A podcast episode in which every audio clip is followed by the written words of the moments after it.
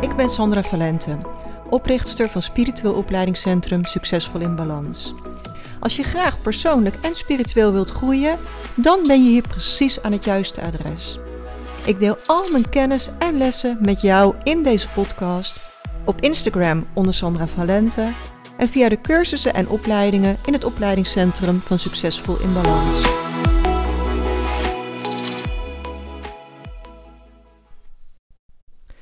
Super welkom bij podcast nummer 90.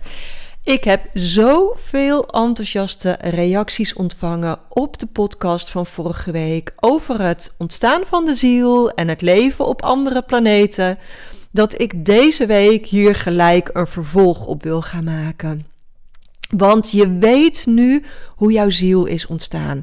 En als je de podcast van vorige week nog niet geluisterd hebt, dan raad ik je wel aan om die nu eerst te gaan luisteren voordat je deze podcast luistert. Want dan zullen de puzzelstukjes beter op zijn plaats vallen.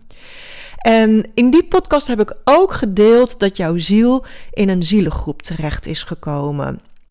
En zoals ik al zei, over zielengroepen kan ik nog heel veel meer vertellen. Want uh, toen mijn middelste dochter Julia geboren werd, bijna 17 jaar geleden inmiddels, nou, toen was ik nog helemaal niet met spiritualiteit bezig. Maar toch, toen ze werd geboren, keek ze mij recht in mijn ogen aan. En het eerste wat ik dacht is: Maar jou ken ik al. En dat was zo'n bizar en tegelijk mooi moment. Ik had dat nog nooit eerder in mijn leven meegemaakt. Dat ik iemand in de ogen keek en instant wist: jou ken ik. En ja, dat ik die ervaring nu mocht hebben bij de geboorte van mijn dochter, ja, was gewoon super bijzonder. En ja, helemaal, zoals ik al zei, ik was nog helemaal niet met spiritualiteit bezig. dat zorgde wel ook weer gelijk dat ik een schuldgevoel had naar mijn andere dochter, waarbij ik dat niet had gehad en waarbij die band echt moest groeien. Maar ja, vanuit zielsperspectief is dat natuurlijk ook heel interessant. Want je hebt elkaar niet voor niets uitgekozen. Uh, ik weet dat mijn moeder vroeger altijd zei: Ja, maar jij hebt mij uitgekozen als ik het ergens niet mee eens was.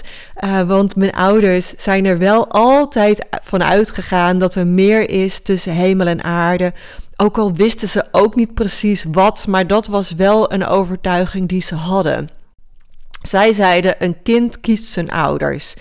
Uh, en nu inmiddels weet ik dat ouders ook akkoord gaan en die ook onderdeel hierin zijn. Dus je kunt de relatie niet alleen maar bij het kind neerleggen. het is een wederzijdse afspraak. Maar goed, terug naar de zielengroepen. Er zijn ontelbaar veel zielengroepen in het universum. En elke ziel heeft een eigen vaste zielengroep waar hij na elk leven weer naar terug gaat. En dat noemen ze je primaire zielengroep. En zo'n zielengroep kan variëren van 5 tot wel 200 zielen. voel wat het meest met jou resoneert. En vaak is het wel zo dat in de loop van de tijd een zielengroep kleiner geworden is. Je verblijft namelijk altijd in een zielengroep die in dezelfde ontwikkelingsfase en ervaring als jij zit. Dus hoe meer je ontwikkelt, hoe kleiner de groep vaak wordt. Want als beginnende en onervaren ziel zit je vaak in een hele grote groep. En naarmate je meer ontwikkelt, wordt die groep kleiner. Zie het maar als een schoolsysteem waar de klassen steeds kleiner worden naarmate je meer gaat specialiseren. En ontwikkeling staat niet altijd gelijk aan het aantal incarnaties. Want sommige zielen hebben wel honderd levens nodig om één les te leren. Steeds opnieuw, als ze dan op aarde zijn en ze hebben die sluier van vergetelheid, trappen ze in dezelfde valkuil en ja, leren ze de les niet die ze gekozen hebben. En zo kunnen ze heel veel levens bezig zijn met één les. Dus de ontwikkelingsfase van de ziel staat niet gelijk aan het aantal incarnaties. Een oude ziel is een ziel die heel ver is in ontwikkeling, die al heel veel lessen geleerd heeft. En een ziel die al duizenden levens op aarde heeft gehad, kan toch nog een redelijk beginnende ziel zijn, omdat hij het gewoon ontzettend lastig vindt om de lessen te leren. Nou, in het boek uh, Gids voor Oude Zielen wordt de zielsontwikkeling weergegeven in een cijfer van 1 tot 10, waarbij 1 een startende ziel is en 10 een ziel die eigenlijk klaar is, die alle lessen geleerd heeft. En heel veel oude zielen zitten in ja, fase 8 of hoger. Het boek van uh, Michael Newton, De Zielenreis, die gaat uit van kleuren. Dat de kleur van de ziel weergeeft hoe ver de ziel ontwikkeld is. En het maakt op zich niet uit of je nu uitgaat van kleuren of van cijfers. In beide gevallen laat het zien dat een ziel een ontwikkeling doorgaat. Hè? Dat er verschillende fases zijn. En om je een voorbeeld te geven, mensen die in de politiek zitten, hebben bijvoorbeeld heel vaak een zielsontwikkeling zo rond de vijf. dat laat ook zien waarom ze heel erg breingericht nog zijn en vaak niet het empathisch vermogen hebben voor meer licht en liefde in deze wereld. Maar tegelijkertijd is het super belangrijk om niet te oordelen naar de leeftijd van de ziel. Oh, jij bent een vijf en ik ben een acht, dus ik ben beter. Nee, absoluut niet. De kans is zelfs heel klein dat iemand uit groep 8 of hoger dat zou doen. Want die weet juist supergoed dat hij zelf ook al die stadia doorlopen heeft. En hoeveel moed er voor nodig is om steeds weer in die lessen te stappen. Je zegt tegen een peuter ook niet: zoek jij het maar uit, want ik ben ouder en beter dan jij, dus je doet maar. een peuter neem je mee aan de hand en je snapt dat hij niet alles kan wat jij kan. En je voelt pure liefde en begrip voor een peuter die probeert om zijn weg te vinden. En nu nodig ik je niet uit om iemand in de politiek te gaan zien als een kleuter die aan het leren is. Maar ik wil je duidelijk maken dat niet iedereen dezelfde zielsontwikkeling heeft om bij te dragen aan het groeien naar de vijfde dimensie. En juist als je als ziel wilt groeien, is het heel erg belangrijk om iedereen te accepteren. En ook als die persoon ideeën heeft die niet bij die van jou stroken. We leven op een planeet met polariteit, met dualiteit en iedereen speelt zijn vooraf afgesproken rol. En na elk leven ga je weer terug naar je primaire zielengroep. En dat is na elk leven echt een supermooi weerzien met jouw zielengroep. Daar is zoveel liefde. Je kent elkaar zo goed. Dat is echt het thuiskomen.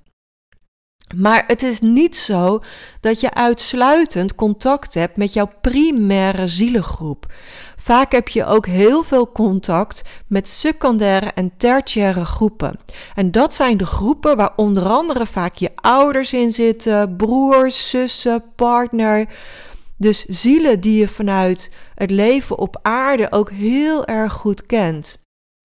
En om dat wat beeldender voor je te maken, um, je kunt het even letterlijk doen of je kunt het in gedachten doen. Maar stel je voor, je pakt een fel wit papier. En in het midden teken je daarop een cirkel. En die cirkel, dat is jouw primaire zielengroep. En dan om die cirkel heen teken je een aantal bollen. En dat zijn jouw secundaire groepen. En daarbuiten, daaromheen, teken je een derde ring met cirkels. En dat is jouw tertiaire zielengroepen. Nou, stel je voor, jouw moeder zit in een secundaire groep. Voor haar is dat haar primaire groep. maar voor jou is dat een secundaire groep. En haar partner, dus jouw vader, kan dan weer voor jou in een andere secundaire groep zitten. En dat maakt dat voor jouw moeder hij ook in een secundaire groep zit. Kun je me nog volgen?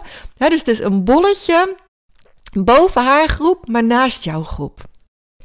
Nou, stel je voor dat je uh, in dit leven een zusje hebt dat voor jou in de tertiaire groep zit, dus in de buitenste ring. Voor jouw moeder is dat dus iemand in de secundaire groep.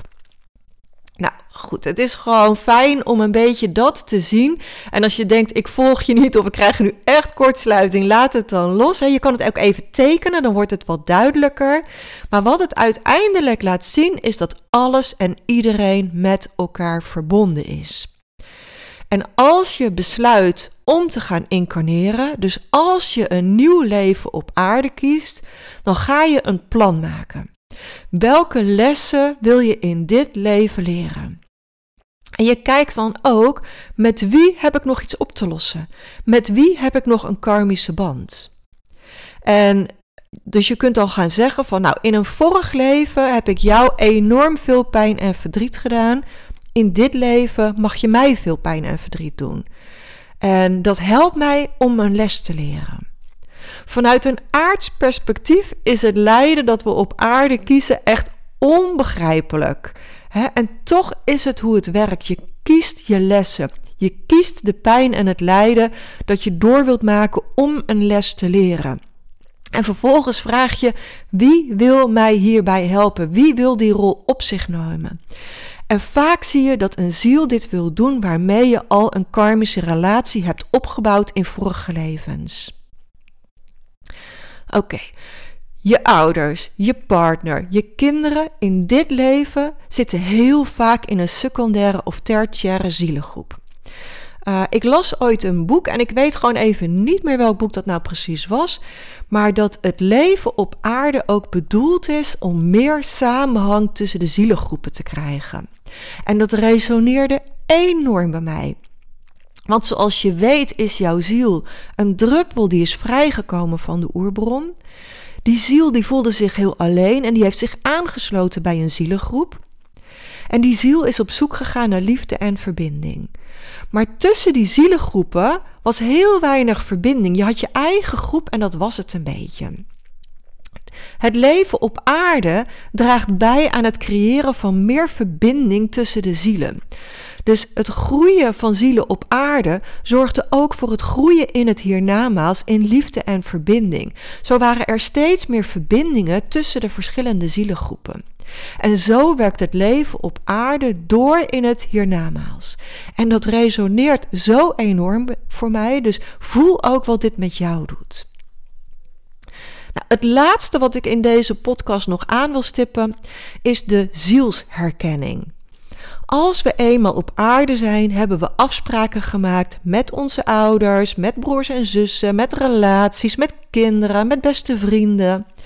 Maar er zijn ook mensen die maar heel even in je leven zijn en waar je toch instant een klik bij voelt. Ik heb in het opleidingscentrum zo vaak studenten gehad die aangaven: San, ik voelde gewoon dat ik bij jou moest zijn. Ik voelde met jou die instant klik. En in een aantal gevallen hebben we samen uit kunnen pluizen dat we elkaar eerder op aarde tegengekomen zijn. Soms heel erg lang geleden, maar we hebben elkaar al eerder op aarde gezien. En soms heel kort en soms wat langer. Maar als je honderden of duizenden levens op aarde hebt gehad, dan ken je inmiddels heel veel zielen, al is het maar vluchtig. En die zielsherkenning werkt in dit leven als een magneet om elkaar weer op te zoeken. Soms voor even en soms voor een hele mooie vriendschap of relatie.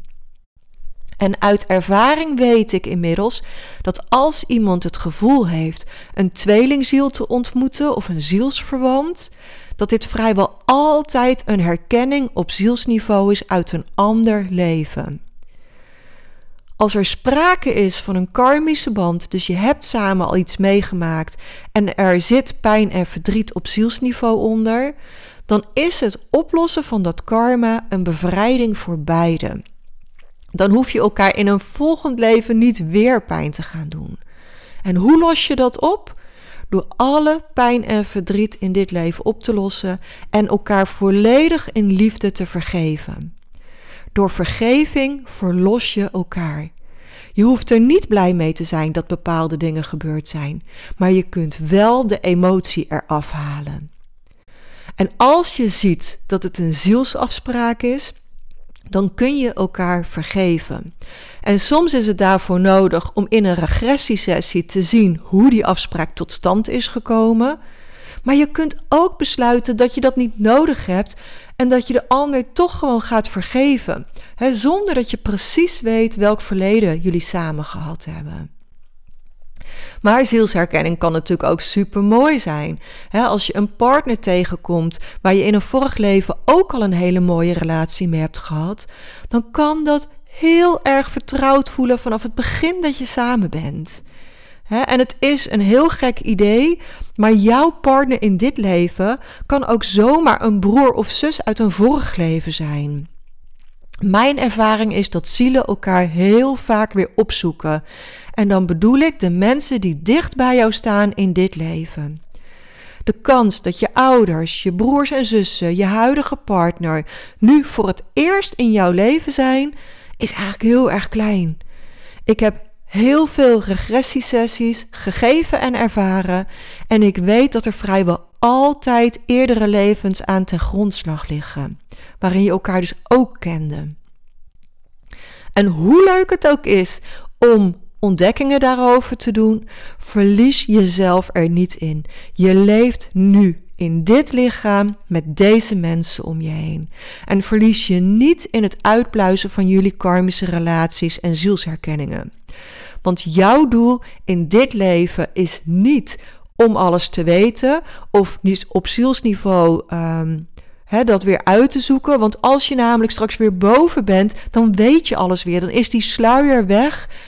En dan is het allemaal weer duidelijk. Jouw doel nu is om op aarde te leren en te groeien. Om karmische banden te helen. Om in liefde te helen en te groeien. En het liefst vanuit plezier. dus als je een moeizame relatie met iemand hebt, kun je die persoon ook vergeven zonder dat je jullie relatie uit vorige levens kent, zonder dat je de karmische patronen kent. Want als je dat kunt, dan ben je echt zo enorm gegroeid. Dan kies je voor onvoorwaardelijke liefde en dat is waar het uiteindelijk allemaal om draait. Nou, ik hoop dat je die kunt horen. En dit lijkt me gelijk ook het perfecte moment om deze podcast af te sluiten. want onvoorwaardelijke liefde, dat is waar het uiteindelijk allemaal om draait. Liefde zonder voorwaarden. Dankjewel voor het luisteren. En samen kunnen we de wereld mooier maken. Dus als je iemand kent die dit absoluut zou mogen horen, deel deze podcast zodat we een ripple effect van liefde in beweging zetten. Tot volgende week.